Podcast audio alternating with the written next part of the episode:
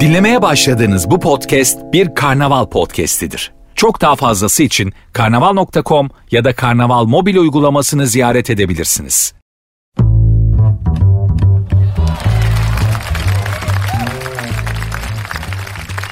Herkese merhaba hanımlar beyler ben Nuri Sert Ünsüz başladı. Geçen günlerde daha doğrusu sık sık programda tekrar ettiğim bir şey var her fırsatta. Hiçbir iş kolay değil. Her iş zor diyorum. Abi hangi işler zor diyorlar. Bazı işlerde çok güzel, çok kıyak diye. Sert Ünsüz'e böyle Twitter'dan, Instagram'dan mesajlar geliyor. Gerçekten hiçbir iş kolay değil. Dışarıdan bakınca çok kıyak gözüken işlerin bile acayip zorlukları var. Mesela bunlardan biri hostesliktir. Yani görüyorsunuz kızcağızlar böyle işte bir sürü insan kaprisiyle uğraşırlar.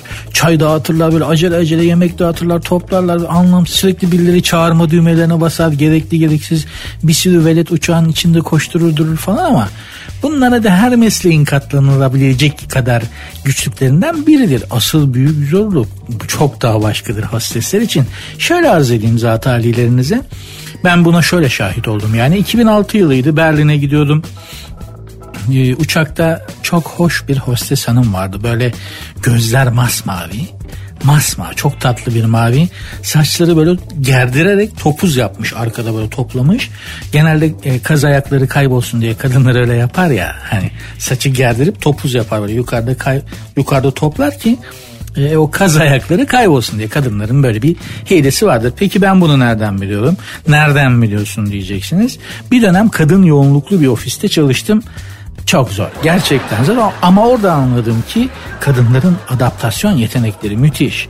İlk çağlardan beri düşünsenize erkek egemen bir dünyada var oluyorlar, yaşıyorlar. Ben kadın egemen bir ofiste iki ay zor çalıştım. Neden? Çünkü biz erkeklerin adaptasyon yeteneği neredeyse neredeyse sıfıra yakındır. Erkek ister ki o çevreye uymasın, çevresi ona uysun. Ben kimseye uymayayım. Erkeğin kafası budur. Bir bankanın genel merkezinde orta düzey yönetici bir arkadaşım var. 11 kadınla aynı serviste çalışıyor. Tek erkek. 11 kadın ve bu tek erkek. Bir sene sonra bankanın Erzurum şubesine tayinini istedi çocuk ya. Hem de yani rütbesi indirilerek, maaşı düşürülerek. Neden dedim? Abi dedi 11 kadınla aynı serviste bir sene çalıştım. E, evet ne güzel. Değil işte dedi ya. Hiç bilmemem gereken şeyleri biliyorum artık ve çok zor dedi. Mesela dedi ya geçen gün aşureye pekmez katılır mı katılmaz mı diye bütün gün boyunca tartıştılar bunu etrafında dedi. Dedim olabilir ya kadın dünyasıdır bunlara sabredebilirsin yani kadınlar da böyle şeyleri tartışabilirler. Peki dedi sen dedi baby shower diye bir şey duydun mu dedi. O ne dedim? Ben biliyorum işte dedi böyle. Hani çocuk böyle ben biliyorum işte abi bunu. Ama bunu bilmemem gerekiyor normalde işte dedi. Peki dedi sen dedi böyle neredeyse ağlayacak herif. Peki dedi sen dedi telli bikini giymenin dezavantajlarını biliyor musun dedi. Telli bikini mi var dedim ya. İşte bak dedi ne kadar güzel sen dedi tam bir erkeksin. Çünkü dedi bilmemen gereken hiçbir şeyi gerçekten bilmiyorsun. Ama ben dedi bunları biliyordum ve artık bilmek istemiyorum. Artık dayanamıyorum dedi. Erzurum şubesine tayinini istedi ve çıktı gitti. Şimdi Erzurum'da çok mutlu.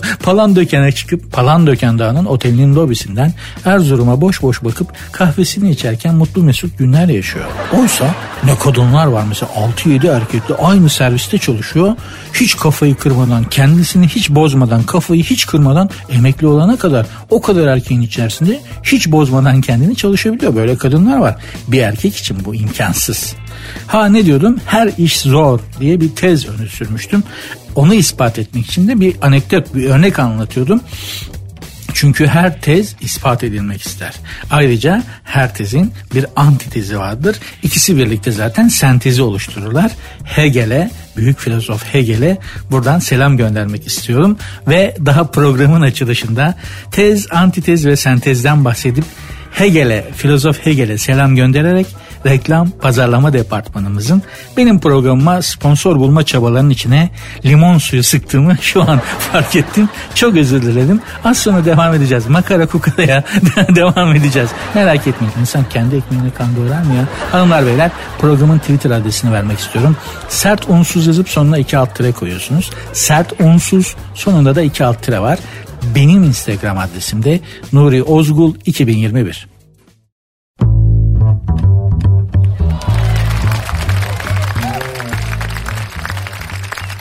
Az önce laf uzadı yarım kaldı kalmasın lafa yekün çekelim. Ee, her iş zor demiştim ve onunla ilgili onu ispat etmek için her işin zor olduğunu ispat etmek için her işin daha doğrusu kendine özgün ve e, başkaları tarafından tahammül edilemeyecek ancak o işe gönül verenler tarafından katlanılabilecek zorlukları olduğu tezini ispat etmek için bir anekdot anlatıyordum. O yarım kalmıştı. Bunu tamamlayayım. Hiçbir laf yarım kalmasın. Yarım kalan şeyler insanı bozar. Gerçekten de çünkü insan beyni her şeyi tamamlamak ister hanımlar beyler. Mutlaka aklınıza takılan şeyler vardır maziden şuradan ben lise aşkımı unutamıyorum. İşte 10 sene önce bir adamla tanıştım.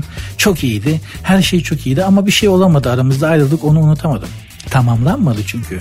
Unutamadığın diye bir şey yok. Unuttun gitti aslında fakat beynin onu tamamlamak istiyor. Şimdi bir araya gelsen, şimdi şu anda o unutamadığın aşkınla, unutamadığın kişiyle bir araya gelsen 10 dakika sonra ben bu muymuş dersin yani. Ama neden? Neden öyle diyemiyorsun? Çünkü henüz o tamamlanmadı. Tamamlanmayan şeyleri insan kalbi kabul etmez. Aklı da kabul etmez ki akılla kalbin müşterek ortak buluştuğu nadir noktalardan, nadir konulardan biridir bu. Neyse gene laf uzayacak ben hemen anlatayım. Her iş zordur, her işin kendine özgün bir güçlüğü vardır. Berlin'e gidiyoruz 2006 yılında. Uçakta bir hostes kız var, rüya gibi. Gerçekten çok hoş bir hanım kız. Gözler böyle harika bir mavi. Saçlar böyle sarı, güzel, tatlı bir sarı. Boya değil, orijinal. Ve topuz yapmış kafada. Boynunda böyle iri taneli inci bir kolye. Ya, bir içim su, şiir gibi kız. Tabii yani gerçekten gözler böyle falan acayip. Sibirya kurdu gibi kız ya. Vallahi bak. Tabii Sibirya kurdu gibi kızı görünce bir Boeing dolusu bir Boeing dolusu Berlin'e maç seyretmeye giden biz 100 sap kurt adama dönüştük. Tahmin edersiniz yani. Uçak tek koridor sağlı sollu üçer sıra koltuklar var yani her koltuk üçlü. Tek koridor 100, 100 küsür tane hayvansı varlık Berlin'e 2006 yılında maç seyretmeye gidiyoruz. Dünya Kupası seyretmeye ve uçakta da çok güzel bir hostes kız var. Kızcağız da işte e, tek tek böyle elinde kahve fincanı kahve dağıtıyor. Peki ne oluyor? Her sıradan her koltuk sırasında kıza tek tek yazıyorlar. ne bekliyorsun? Çünkü artık havadasın ya dünyayla bütün makaraları bağları koparmışsın. Şey de gevşiyor yani kendi bendini kendi zincirlerini de koparıyorsun havada. Böyle bir etki oluyor erkek bünyesinde. Gelene yazıyorum ha, pilota yazar yani hani o derece rahat. Kızcağızı yazıyorlar. Bir tanesi şey dedi ya Berlin'e inince yürüyelim mi? Berlin'e inince yürüyelim mi diye yazılır. Ya bu bir teklif değil ki. En azından cazip bir teklif değil. Ha desen ki Berlin'de Underlinden Caddesi'nde birer kir royal içelim mi? Bak bu, bu da aklı başında bir kadının kabul edebileceği bir teklif değil ama en azından bir gusto sahibi olduğuna dair kızın kafasında bir parantez açıp kapatmış oluyorsun. Bu da bir şeydir. Bir tanesi de şöyle dedi kızcağıza. Gözleriniz sahi mi? Arkadaş. ha yok değil kız aslında leprikon. Arada bir insan kılığına gidip hosteslik yapıyor. Ne demek lan gözleriniz sahi mi? Onun sormak onun sormak istediği aslında şu lens mi kullanıyorsunuz? Renkli lens mi kullanıyorsunuz? Ha bak bu biraz daha insaflı bir sığır. Neden? Direkt yazmak yerine direkt direkt sonuca gitmek yerine orta sahada bir tık top çevirip muhabbet açmaya çalışıyor. Hani gözleriniz sahi mi? Den girip sonra kıza gene yazacak. Şuraya gidelim mi buraya gidelim mi diye. Ama bir girizgah yapıyor. Bir sohbet bir muhabbet açma fırsatı yaratıyor. Bu da bir şeydir. Ama bu da Türkçe'ye hakim değil. Yani gözleriniz sahi mi diye bir Türkçe olabilir mi ya? Böyle bir, yani sen daha Türkçe'ye hakim değilsin. Dünya güzeli bir kadını konuşarak etkilemeye çalışıyorsun. Sığır. Çok özür dilerim bu ifade için. Özellikle bizi dinleyen hanımlardan ama öyle değil mi ya? Ya sen daha ana diline hakim değilsin. Türkçe'ye hakim değilsin. Ve çok güzel bir kızı konuşarak etkilemeye çalışıyorsun. Ma hem hem sığırsın hem mantıksızsın. Normaldir zaten genelde sığırlarda mantık olmaz. Ve düşünün o kızcağız, o hostes kızcağız mesleği gereği bütün bu saçma sapan ağır yazmalara, yürümelere gülümseyerek cevap vermek zorunda. Ne kadar zor değil mi? Ve tam burada bir kısır döngü başlıyor. Kız gülümseyerek her hayır dediğinde bu da uçaktaki erkek tayfası tarafından devam et yazmaya şeklinde bir mesaj olarak algılanıyor. Çünkü erkek aklı böyle çalışır. Hayır dedi ama gülerek dedi. tamam işte tamam ya iki dakika sana. Tamam ya tamam ya iki dakika sana kafaladık abi kız ya. Oğlum bir dön bak. Bütün Boeing kıza yazıyor lan. ya nasıl bir şansımız olabilir? Hani 100 kişiyiz yüzde bir şansımız var. O kızcağız hayır dese bile. Ki ben öyle bir şey yapmadım yani. Beni say 99 tane sığırsınız ve tek tek kıza yazılıyorsunuz. Ve kızcağız hepinize insan gibi gülümseyerek hayır diyor. Geçiştirmeye çalışıyor. Şimdi bu hostes hanımın işi kolay mı? Ama biz dışarıdan bakınca nasıl görüyoruz? Abi bu hosteslerin de bu uçuş ekiplerinin de işi ne güzel be. Hep her gün başka bir yerdeler. Her gün başka bir memleket geziyorlar. Ne güzel ya. Ama bak bir Boeing dolusu adam yazıyor kıza. Bana yazsalar ya sana bana yazsalar uçaktan atlarız. Giden uçaktan atlarız. Camı kırarız. O uçak e, uçağın tekerleklerinin katlandığı yuvadan falan atlar. Kaçarız. Bir Boeing dolusu adam 3 saat Berlin gidene kadar sana yazıyor. Kaldırılacak şey mi yani? Hangi bünye bunu kabul edebilir? Dolayısıyla her rahmetin bir zahmeti vardır diyerek de lafı bağlamak isterim.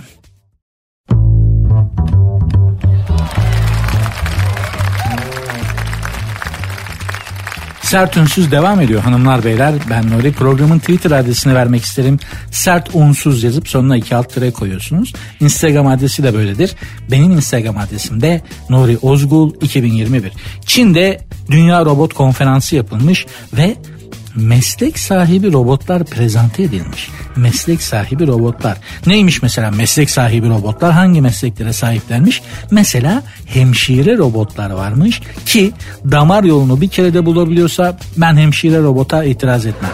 Kesinlikle itiraz etmem. Benim damarlar ince. Zaten damarı bulmak zor ince olduğu için. Bir de acemi hemşireye denk geldiğiniz zaman yandın, yandın. Benim ben bir kere ben bir kere denk geldim çünkü belli ki kız sağlık meslek yüksek okulunu bitirdiği gün işe başlamış. İlk hastası ona da ben denk gelmişim. Kan alacak benden. Sonuç Kız acemi benim damarlar ince ve finalde şöyle bir noktadayız. Benim e, her iki kolda sağ kolda 6 tane sol kolda 5 tane mosmor abanarak iğneyi batırıp damarı bulmaya çalıştığı için kızcağız. Sağ kolda 6 tane sol kolda 5 tane mosmor iğne deliği bendeniz madde bağımlısına dönmüşüm. Hep. Kolları gören çok affedersiniz narkoman zanneder ki yolda polis çevirdi. Arkadaşım bir bakar mısın diye. Genelde böyle hani Arkadaşım bakar mısın bir sorun mu var? Senin kolların niye öyle? Amateme götürelim mi seni? Yok abi kan ver. Yok abi kan aldılar da. Nasıl kan aldılar lan? Vampirler mi saldırdı sana? polis öyle dedi. Vampirler mi saldırdı sana dedi. Vampir konusunda cahil bir polis ilk defa gördüm. Dedim abi vampir saldırsa kola değil boyuna saldırır. Acemi hemşireye denk gel. İyi ki vampirler gerçek değil. Polisleri bir de vampirler hakkında bilgilendirmeye kalkmamız gerekecekti ki belli ki hiçbir şey bilmiyorlar. En azından benim denk geldiğim bilmiyordu. Onu diyordum kızcağız benim sağ kola 6 tane sağlam delik deldi damarı bulamadı. Sol kola 5 tane deldi gene damarı bulamadı. Bir ara yüzüme baktı. E, e, iyi misiniz renginiz atmış bembeyazsınız dedi. Tabii ki rengim atacak Allah bayılmak üzereyim. Sürekli iğneler batırılıyor vücuduma. Bu beni çok irite ediyor. En sonunda işte elimin üstünden belli final belli bende yani kan vereceğim zaman direkt gidem abla hiç uğraşma diyorum yani. Şu sol elin üstünden sağ elin üstünden aç damarı oradan al gözünü seveyim ne kendini yor ne beni yor diye. Eğer robot hemşire yani bu robotlar bize anlatıldığı kadar harikaysa robot hemşireye varım bir kere de damarı bulup çık diye yerleştirecekse tüpü. Hiçbir itirazım yok. O yüzden hemşire robota varım diyorum. Ama hasta bakıcı robot olmaz. Neden? Hastanenin çünkü en kilit adamıdır hasta bakıcı. Bir tane doktor arkadaşım yok. Dört tane hasta bakıcı kankam var. Onların üzerinden networklerinden de faydalanıyorum. Hangi hastaneye gitsem kralım. Bu iş böyledir. Adliyede hakim savcı tanıyorsan eh, yani. yani belki. Ama mübaşir tanıyorsan adliyede kralsın. Her işin su gibi akar yürür. Hastanede de öyle başhekimi tanırsan sana belki faydası olur. Yani koskoca başhekimi tanıyorum kankam falan. Git hastaneye yüzüne bile bakmazlar başhekim orada değilse. Ama bir hasta bakıcı tanıyorsan orada sağlam tanıyorsan hastanenin kralısın. Ki benim hasta bakıcı mesleğinden çok kankam vardır. Bir kere beni MR'a soktular. Yani benim bir MR cihazına girişim vardı, sokuluşum vardı iki hasta bakıcı arkadaşım tarafından. MR cihazı bile şaşırdı. Emin olun hanımlar beyler İngiltere kraliçesi öyle ihtimamla MR'a girmemişti. Brunei Sultanı öyle ihtimamla MR'a sokulmamış. MR cihazı bile şaşırdı. Bu kimdir diye. Hakikaten. Dediğim gibi neden? Neden? Çünkü hasta ya ben hastanenin kralını tanıyorum. Hastanenin kralı kim? Hasta bakıcı. Adliyenin kralı kim? Mübaşir. Bunları tanıyacaksınız. Yani en alttakilerden kanka edineceksiniz. En üsttekilerin size faydası olur ya da olmaz. Olsa da çok bir kere olur. İkincide çekinirsin yani bir şey rica etmeye. Ama ne bileyim mübaşir, hasta bakıcı, inşaat çavuşu. Bak amele deyip geçme çok önemli. İnşaat çavuşu. Bunları tanıyorsan bu memlekette sırtın yere gelmez. Hanımlar beyler sert unsuz devam edecek. Programın Twitter adresini tekrar arz etmek isterim sizlere. Sert unsuz yazıp sonuna iki alt tere koyuyorsunuz. Instagram adresi de böyle. Benim Instagram adresim de Nuri Ozgul 2021. Devam edeceğiz.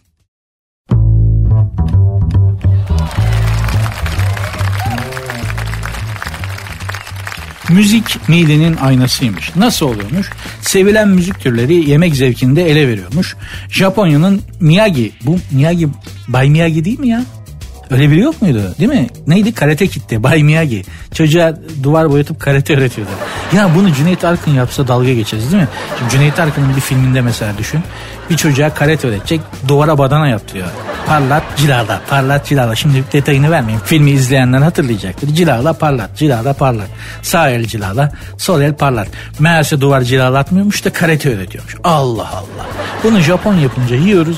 Aman ne güzel. Cüneyt Arkın, Cüneyt Arkın bir filminde yapsa dalga geçeriz. Cüneyt Arkın 10 kişinin arasına atla dalıp öldürüyor. Ha ha ha diye alay edip dalga geçiyoruz.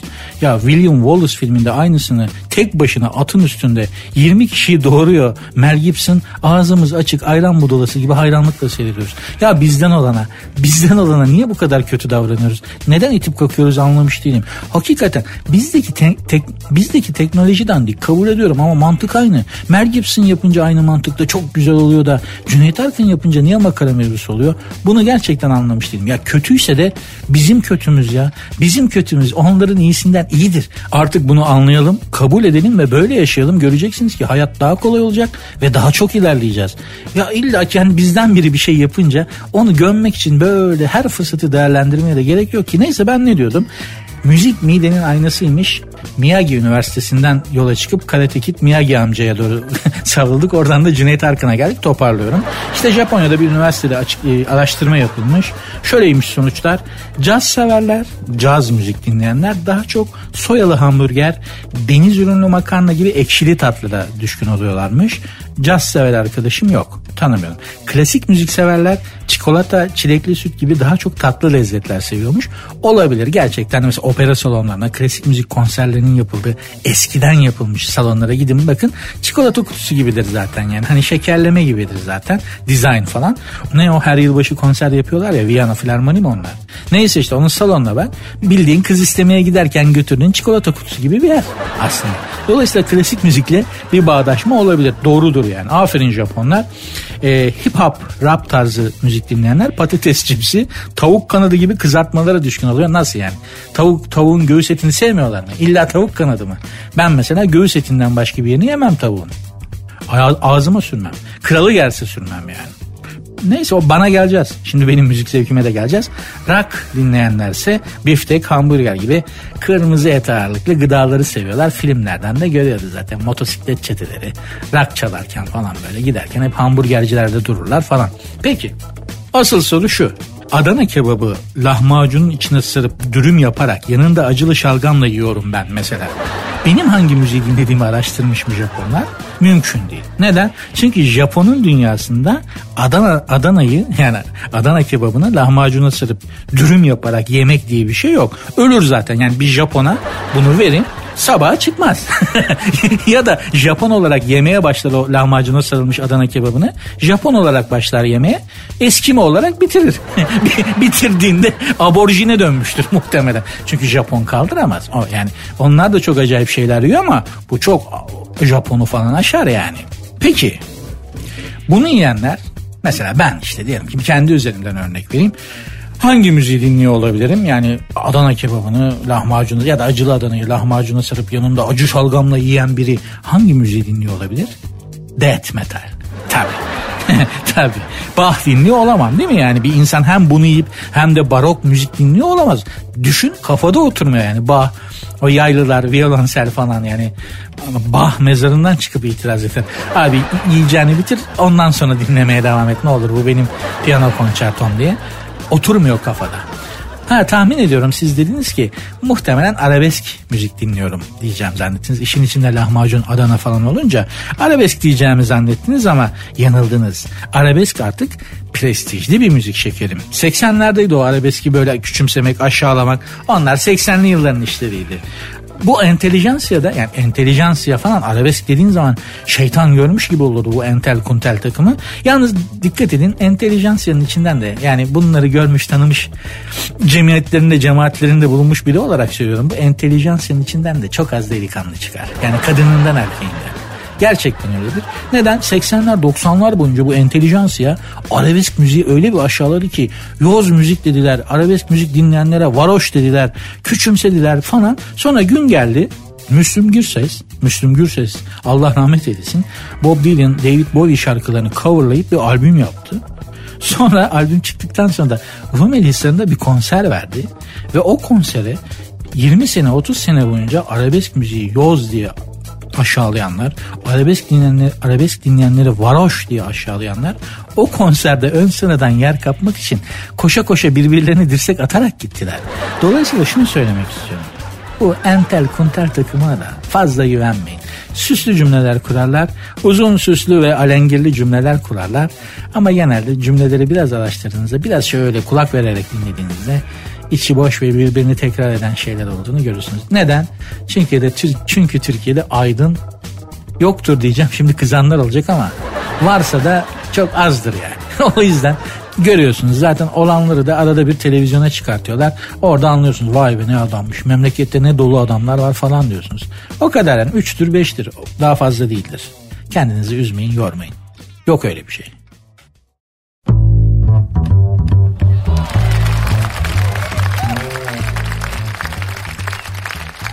NASA'nın Mars'taki aracı çok büyük bir keşfe imza atmış. Hanımlar beyler sert ünsüzü dinliyorsunuz. Neymiş o keşif ona bakalım. Ee, bu araç bulduğu kaya parçalarında hayat izine rastlamış. Nasıl bir hayat? Burada buna göre işte tuz mineralleri içeren bir kaya bulmuşlar. Çok uzun yıllar önce bu kaya suyla temas etmiş. Zaten bir yerde zaten bir yerde su varsa orada hayat vardır diye bir ön kabul vardır. Yani suyun olduğu her yerde hayat da vardır diye bunlar pek sevinmişler. Aman kaya bulduk. O kayada da tuz minerali var. Bu kaya suya suya değmiş yaşasın diye NASA sevindirik olup duruyor. Ben de burada Mars fotoğraflarını inceledim merak ettim. Daha önce şöyle bir görmüştüm. Hani kızıl gezegen tamam kırmızı falan ama hakikaten yaşanacak yer değil. Yani bu NASA'da da gerçekten kızarmış ekmeğe sürülecek akıl yok. Yani hiç Mars gerçekten insanı cezbeden bir yer değil. O yüzden buradan bizim uzay projemizin başındaki bilim adamlarına, büyüklerimize seslenmek istedim. Abi biz hiç Mars'a gitmeyelim. Vallahi biz çünkü çöl gibi bir yer, kıpkırmızı, sıcak, kırmızıdan başka bir renk yok. Bizi çok geler. Zaten kırmızı agresif bir renk. Biz de zaten agresif insanlarız. Hiç Mars'a bulaştırmayın bizi. Kan çıkar. Gerçekten. Biz direkt böyle düz ayak. Vallahi bak bize şöyle düz ayak. Çünkü iniş çıkış olmasın. Bize zor gelir. Ya biz şimdi ya ben İstanbul'da yaşıyorum. Düz yer yok. Sanki bir el şehri tutup böyle kağıt kırıştır gibi kırıştırıp bırakmış. İniyorsun, çıkıyorsun, iniyorsun, çıkıyorsun, iniyorsun, çıkıyorsun. Çok yorucu oluyor. O yüzden mesela Paris'e gittiğin zaman dümdüz ya uçuyorsun ya. Yani yani Charles de Gaulle havaalanında Monsieur otelinize bırakalım. Yok yavrum ben buradan yürürüm diyorsun. Adamın gözleri büyüyor. Tabii yürürüm ben İstanbul'dan geldim in çık in çık yokuş in yok ya Zeyrek yokuşu diye bir yokuş var. Eşekler bayılıyormuş çıkarken. Vaktiyle yani, İstanbul'da böyle yokuşlar var. Eşek anıtan yokuşu. Değil mi? Deve öldüren yokuşu. Eşek anıttan derken yani eşek isyan ediyor. Yokuş bitsin artık şu yokuş. Beni bu dik yokuşa neden sürdünüz diye.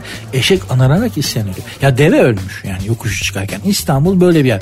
Dolayısıyla düz ayak mesela Amsterdam'a falan gittiğin zaman uçuyorsun ya. Araba soluyorsun yürürken. ya Amsterdam'da ben araba solladım yürüyerek mesela.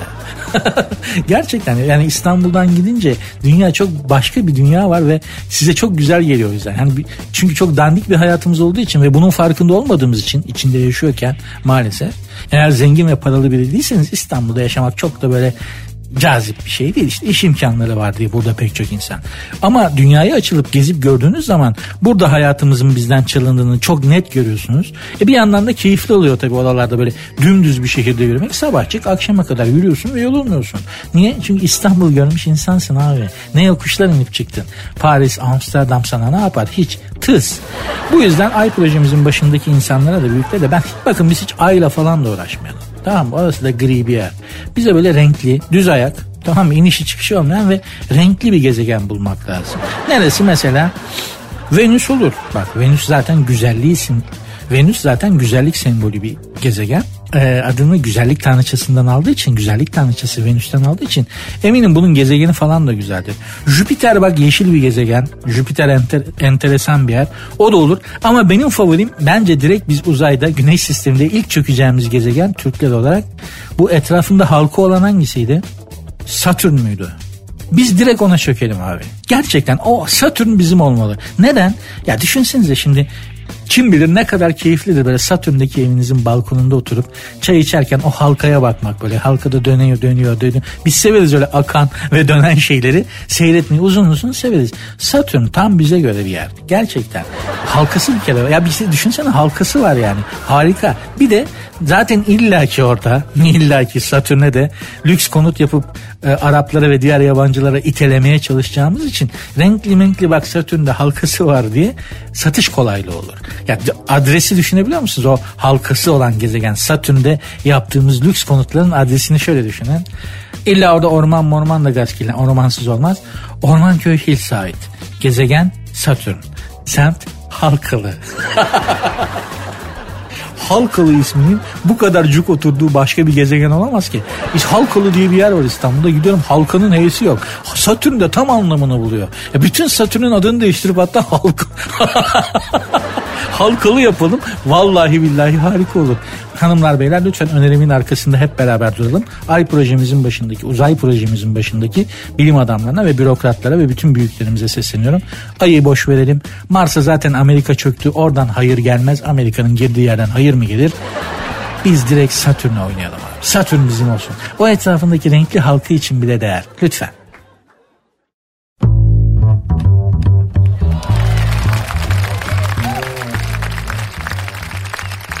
Şenol Hoca'ya çok ayıp etmişiz. Hangi Şenol Hoca'ya?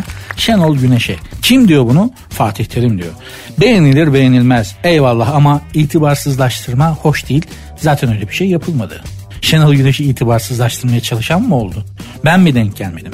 Mesela Şenol Güneş şey dedi namusumla geldim namusumla giderim. Hoca sana namussuzsun diyen olmadı ki.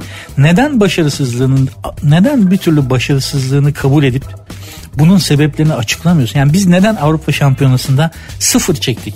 Bunu hala Şenol Güneş açıklayabilmiş değil biliyor musunuz? açıklayabilmiş değil, açıklamış da değil, açıklamaya tenezzül bile etmiyor. Ben size konuşmam, kamuoyuna hesap verim diyor. Adamcağız da filozof diyorlar, adam da süzme cahil. Kamuoyu dediğin zaten gazeteciler orada. Sana hesap vermem, size hesap vermem dediğiniz zaman gazetecilere ben kamuoyuna hesap vermem demiş oluyorsunuz. Neyse bunlar üstenci bakışlar. Ben Fatih Hoca'nın da enteresan bulduğum açıklamalarını şöyle. Şenol Güneş herkesten fazla ister kazanmayı. Doğrudur ona itiraz etmedik. Bu nedir ya? Neymiş? Bir bakıyoruz. Şenol Hoca'ya ve arkadaşlarına ayıp ediyorsunuz. Nasıl? Ne yapıyoruz ki?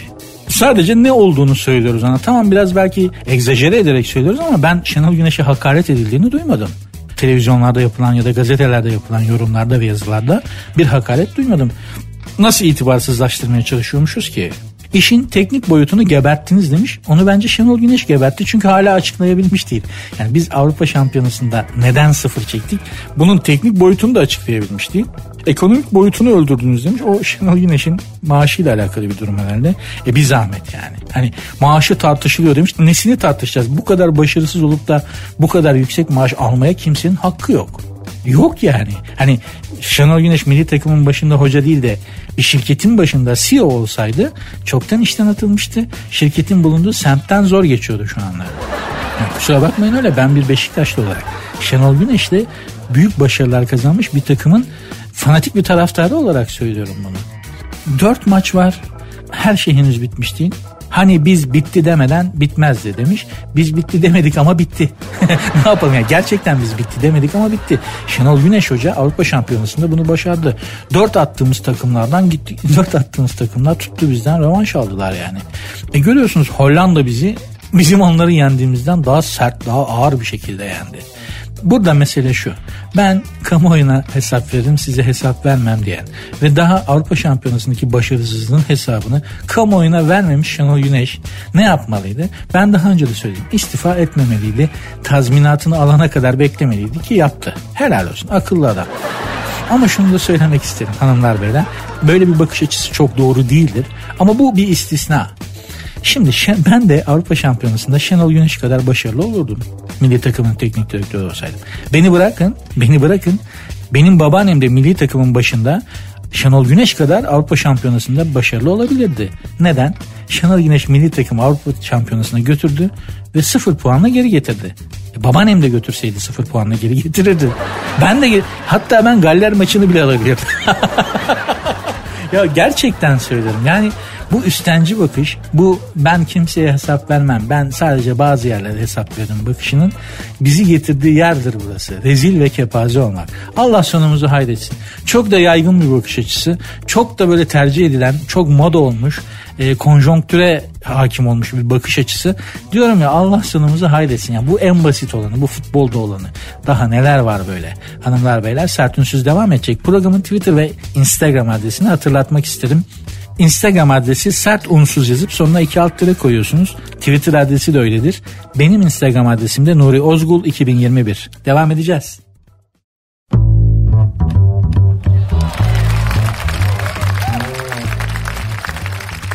Sağlık, sıhhat aman dikkat edin öyle böyle diye diye bir ömrü bir milletin karaciğer yağlanmasını kolesterolünü düşürmekle uğraşarak geçiren Osman Müftü hocamız yılmamış hala aynı kafada devam ediyor. Allah razı olsun.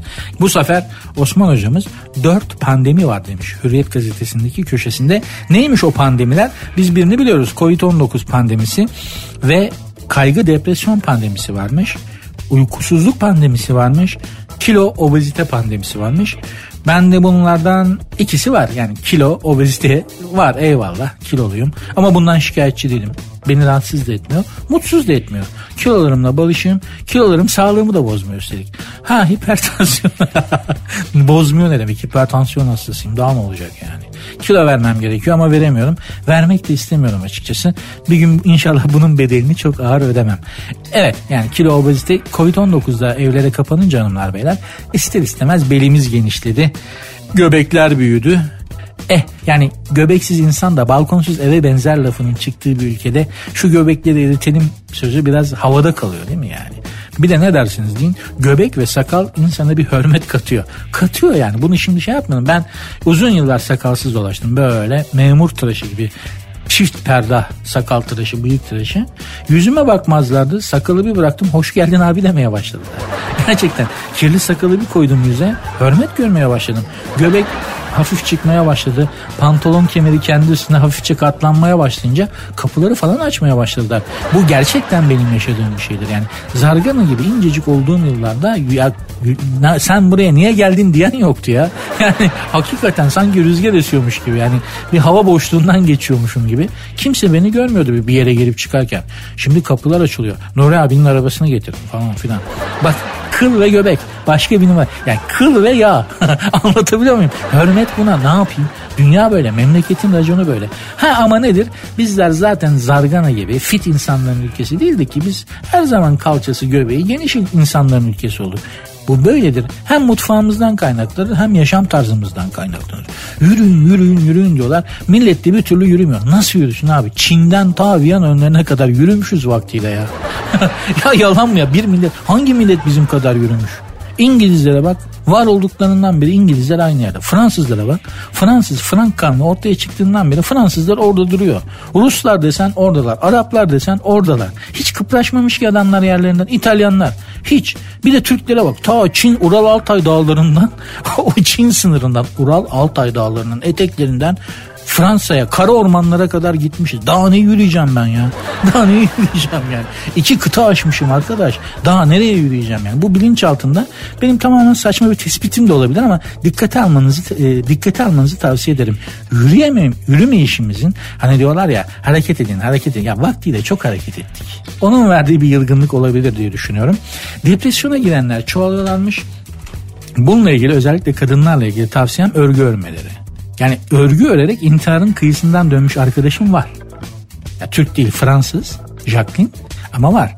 Ya ben işte Paris'te kaldım bir süre. Böyle dandik bir çatı katında kalıyordum tek oda. Tuvalet ve banyo ev sahibiyle ortak. Bir de Fransız kız arkadaşım vardı adı Jacqueline'di.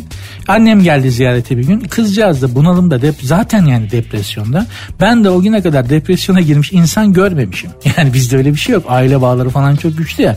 Biraz şey olduğu zaman gözlerin daldığı zaman falan ne oldu? Bir şey mi var? Ne düşünüyorsun? Bir sıkıntı var. Aşık mı oldun? Bir şey mi var? Parasız mı kaldın? Borcun mu? Yani sürekli böyle tepene binip senin depresyona girmene engel oldukları için ben depresyona girmiş insanı Fransa'ya giderken Paris'e gidene kadar görmemiştim. Bu Jacqueline de enteresan bir kız depresyondan çıkmıyor. Annem bunu böyle görünce bir ucundan emilmiş mandalina dilimi gibi kızcağız böyle, böyle hepsi kendini sanmış. Bunu bir ele aldı. Gitti şiş örgüleri aldı, yünler aldı. Bu kıza el örgüsü öğretti önce. Kızcağız epey bir direndi öğrenmeme ama tabii yani annemi yani bir Türk kadınına karşı ne yapabilirsin? Sana bir şey öğretmeye çalışıyor. Hiç şansın yok. Sonra reçel yapmayı öğretti. Gerçekten var. Kıza incir reçeli yapmayı öğretti. Ya kız bunlara bir sardı. Arkadaş bir sardı. Nasıl kendine geldi? Nasıl toparladı ya? Nasıl böyle bir bambaşka yüzüne renk geldi kızcağızın. Dedim anne ne yaptın ya? Kızı iyileştirdin. Kadın olmayı öğrettim. Oğlum ne olacak dedi. Kadının yemek yapmayı falan öğrenince bir kendine geldi kız. Ha bütün bunları köle gibi yapmak da hani şimdi kadınlar alınmasınlar yani. Bu ev işleri, temizlik işleri onu her gün her gün her gün her gün hem de düşün evdeki 3-4 nüfusa bu hizmeti vermek yıldırıcı ve insanı depresyona sokan bir şey olabilir. Buna itirazım yok. Ama hiç bunlarla alakası olmayan birine de bunları öğretince al işte kız intiharın köşesinden döndü. Atacağım kendimi sen nehrine diyordu. Al bak çiçek gibi olacaktı. Bambaşka bir oldu.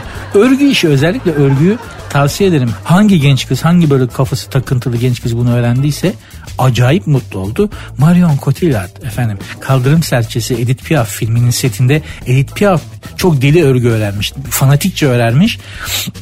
Edith Piaf'ı canlandırırken örgü örmeyi öğrenmiş. Kadın hala örgü örüyor. Ve hala söylediği şey şu. Bundan güzel bir meditasyon görmedim, yaşamadım. İyi ki bu rolü kabul etmişim diyor. Örgü örmeyi öğrendiği için kadın. O yüzden size örgü örmeyi şu şişle yani iki ters bir düz haroşo. Bunlar sonra detaylı. Bunlar sonra gelir arkadan. Haroşo nedir? Türkan Şoray kirpiği nedir? Değil mi? Elti eltiye küstü modeli nedir? Bunları zamanla öğrenirsiniz. Ben bile ben kadınların arasında çok kaldığım için kadınların çok kalabalık olduğu bir ailede büyüdüğüm için e, er, tek erkek evlat olduğum için bunların hepsini duydum yani nasıl yapıldığını yani Zeki kirpiği var mesela. Değil mi? Bir dantel bir oya modeli. Zeki Müren kirpiği. Türkan Şoray kirpiği daha kıvrımlıdır Zeki Müren'e göre. Elti eltiye küstü. Biraz verevlidir. Ustalık ister falan. Bunlar zamanlı olur. Şimdi siz iki ters bir düz haraşo yün örgüsüne başlayın. Ondan sonra dantel, kırlent arkasından gelir. Tutamıyorsunuz zaten. Bir kadını depresyondan çıkarır. Erkek depresyondan nasıl çıkacak? Halı saha. ne bekliyorsun yani? Halı saha. Öyle sanat galerisine gideyim, müzik dinleyeyim, hobi yok abi. Direkt halı sahaya gideceksin. Çok özür dilerim. Hayvan gibi koşacaksın. Zırıl zırıl terleyeceksin. Çiçek gibi olursun. Vallahi bak biraz hayatı üstten üstten yaşamaya çalışırsanız beyler emin olun çok mutlu olacaksınız. Uykusuzların sayısı artıyormuş. Bu konuda yani Allah'ın şanslı kuluyum. Yani hani böyle yatağa yatarken hani baş yastığa doğru gidiyor ya uyumak için başı yastığa benim ben daha havada uyuyorum. Yani başım yastığa değmeden ben uyumuş oluyorum. Çok şanslı biriyim o yüzden. Bu konuda çok bilmiştik yapamayacağım açıkçası. Ama Allah sonumuzu hayretsin. İnşallah daha iyi günler gelir. Çünkü baksanıza bir pandemi diyorduk. Covid-19 pandemisi, onun yanında kaygı depresyon pandemisi, onun yanında obezite pandemisi, onun yanında uykusuzluk pandemisi. Artık nereye gidiyoruz bunu bilmiyorum. Bilen biri varsa lütfen bana yazsın. Programın Twitter adresi sert unsuz yazıp sonuna iki alt tire koyuyorsunuz. Benim Instagram adresim de Nuri Ozgul 2021.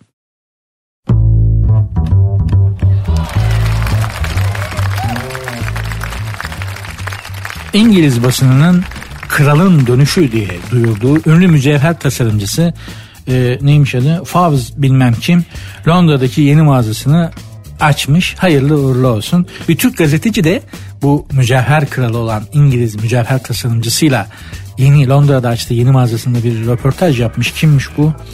Arda Sayıner gazeteci Arda Sayıner'in röportajından yola çıkarak sizlere bir şey anlatacağım.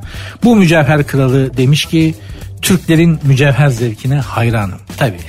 Tabii ki hayran olacaksın. Sen hayatında Trabzon burması diye bir şey mi gördün?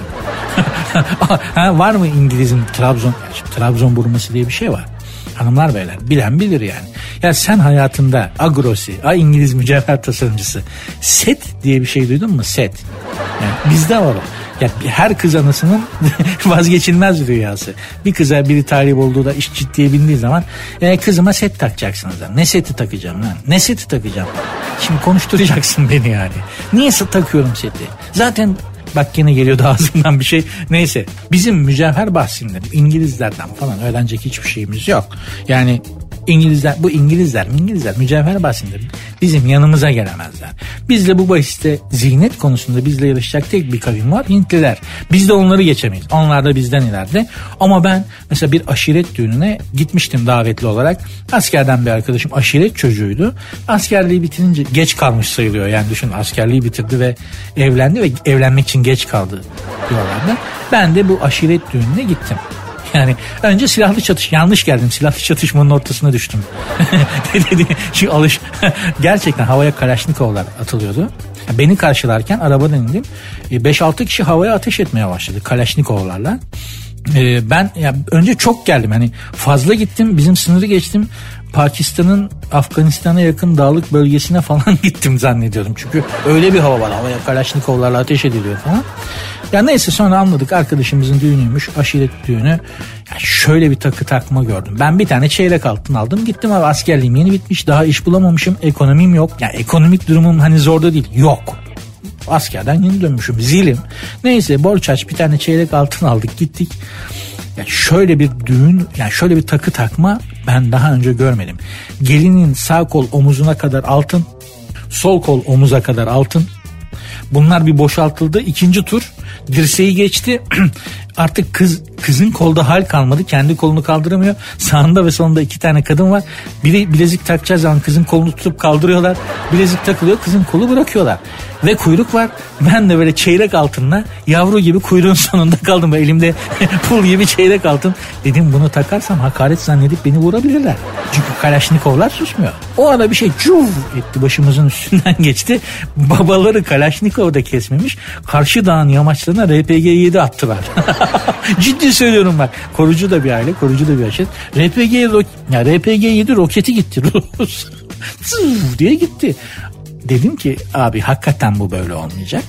Dedim ki hakikaten ben bu çeyrek altını takmayayım. Çünkü yani biri geliyor elinde bond çanta trup diye açıyor çantayı kolu sokuyor içeriden beşi bir yerde çıkarıyor böyle kırmızı kurdeleye dizilmiş gelinin boynuna takıyor bir bilezikler takıyorlar at gibi falan ben böyle çeyrek altınla elimde bir tane reşat altınıyla böyle kalınca dedim ki ben bunu takmayayım çok ayıp olur hakikaten kendimi bitirmiş olurum. Zaten arada kaynar gider. Hani çok büyük makara mevzusu olurum diye kenardan sıyrıldım. Bu, bu yüzden de bu Grossi denen İngiliz mücevher kralı, mücevher tasarımcısına tavsiyem şudur.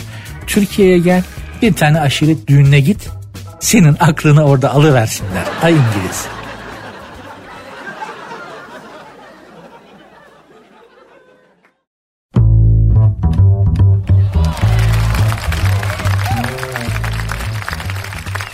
Hanımlar beyler krallığa mal olan elmaslar satılıyormuş. İkinci mücevher haberimiz. Bu sefer daha tarihin derinliklerinden geliyor ve çok hüzünlü bir hikaye aslında. Fransa'nın 18. yüzyıl kraliçesi Marie Antoinette'in iki elmas bilekliği açık arttırmaya çıkıyormuş. Toplam 112 elmastan oluşuyormuş. Setmiş. bu set demek ki bu set takıntısı Fransızlarda da var. Bakın haksızlık ettim. Ben bir, bir tek Türkiye'deki kız analarında var bu zannediyordum. Kızıma set takın falan diye hani böyle kız isterken bazı şartlar koşarlar ya bazı kız anneleri.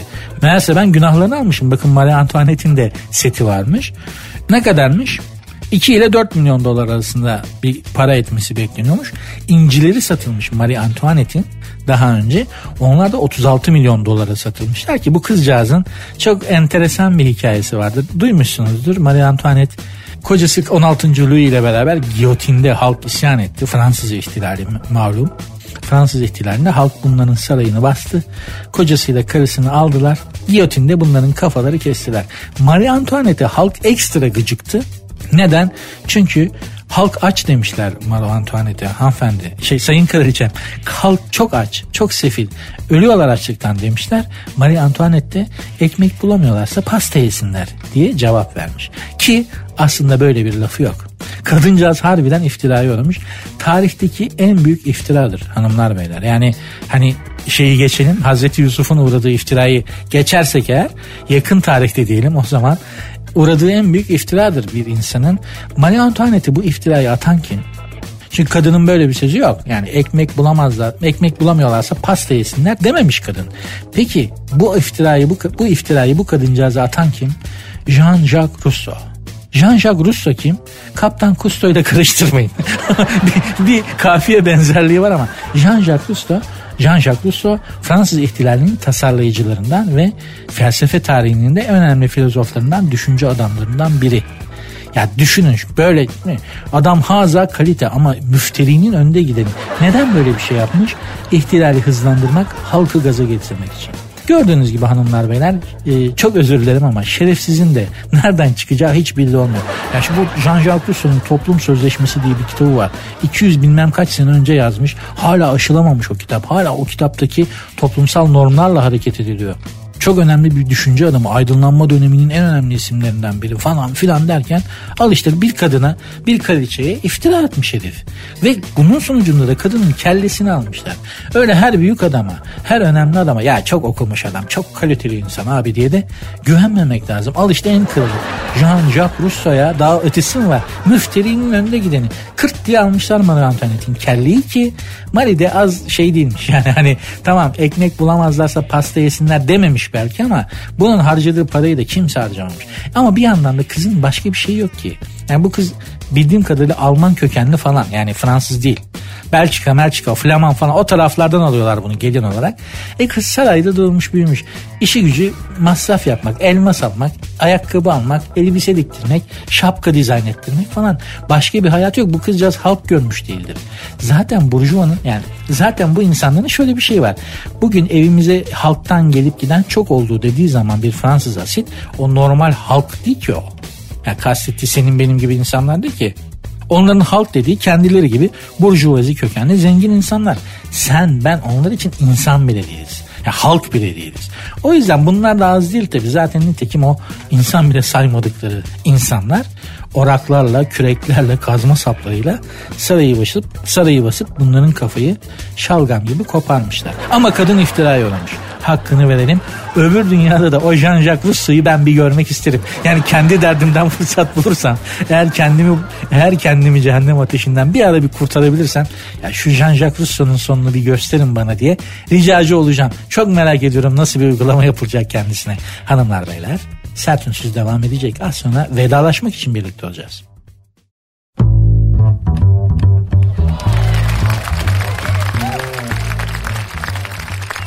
Hanımlar beyler sert ünsüz devam ediyor. Bugünkü son anonsum. Sizlerle son kez bugün konuşuyorum. Ama yarın inşallah devam ederiz tabi. Bu tamamen son olmaz.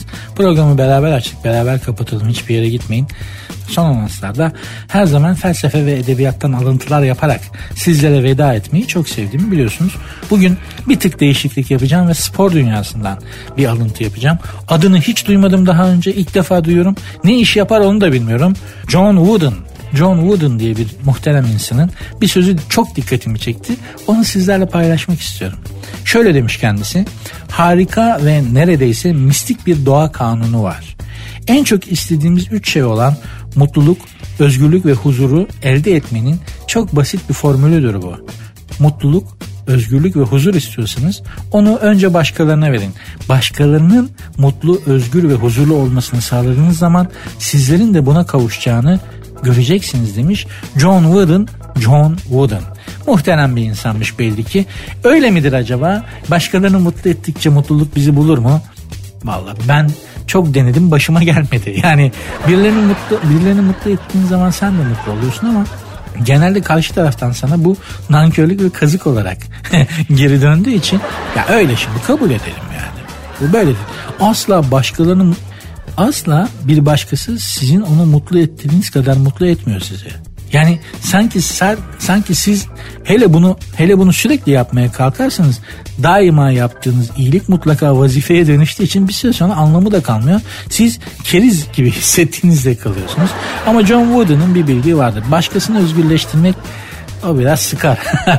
hele Türkiye'de o konulara hiç girmeyelim. Huzur, o çok daha zor. Ben huzurlu biri miyim ki başkasının huzurlu olmasını sağlayayım diye düşünüyorum ama John Wooden'u da bitirdik be. Büyük laf diye okuduk ama adamın bütün teorisini adamın bütün teorisini çökerttim iki dakikada. E ama burası Türkiye. Şimdi John Wooden gelip İstanbul'da yaşamış olsa ya da fark etmez Ardahan'da da yaşamış olsa bu teoriyi kendi kendine çökertecektir zaten. İnşallah bunun bir yolu yok. Bunun bir formülü olduğunu da düşünmüyorum. Mutluluk, huzur ve neydi? Özgürlük. Mutluluk, huzur ve özgürlük. Bunlar elde edilebilen şeyler değil. Özgürlük dahil. Bunlar elde edilebilen şeyler değil. Çalışmakla elde edilebilecek şeyler değil. Ama galiba elde edenler de sadece bu uğurda çalışanlar. Ah, belli ki çok büyük bir kafa karışıklığı hala bu konuda devam ediyor. O zaman bu bir araba lafı neden ettin diyeceksiniz. Valla laf önce çok yakışıklı geldi ama konuştukça üzerinde kendi kendime fikir jimnastiği yaptıkça teoriyi çürüttüm gibi geliyor. En azından bizim için öyle. En azından benim için öyle. Hanımlar beyler sert ünsüz bugünlük bitti. Kül kedisi Cinderella'nın ayakkabısını kaybettiği saatlere geldik. Ben veda ediyorum size. Yarın inşallah görüşürüz. İnşallah yarın görüşene kadar her şey yolunda gider, iyi gider. Sizler iyi, mutlu, sağlıklı ve huzurlu ve arada zengin olmayı başarmış insanlar olursunuz. Programın Instagram ve Twitter adresi aynı. Sert unsuz yazıp sonuna iki alt tire koyuyorsunuz. Benim Instagram adresim de Nuri Ozgul 2021. Yarın görüşmek üzere. Dinlemiş olduğunuz bu podcast bir karnaval podcastidir. Çok daha fazlası için karnaval.com ya da karnaval mobil uygulamasını ziyaret edebilirsiniz.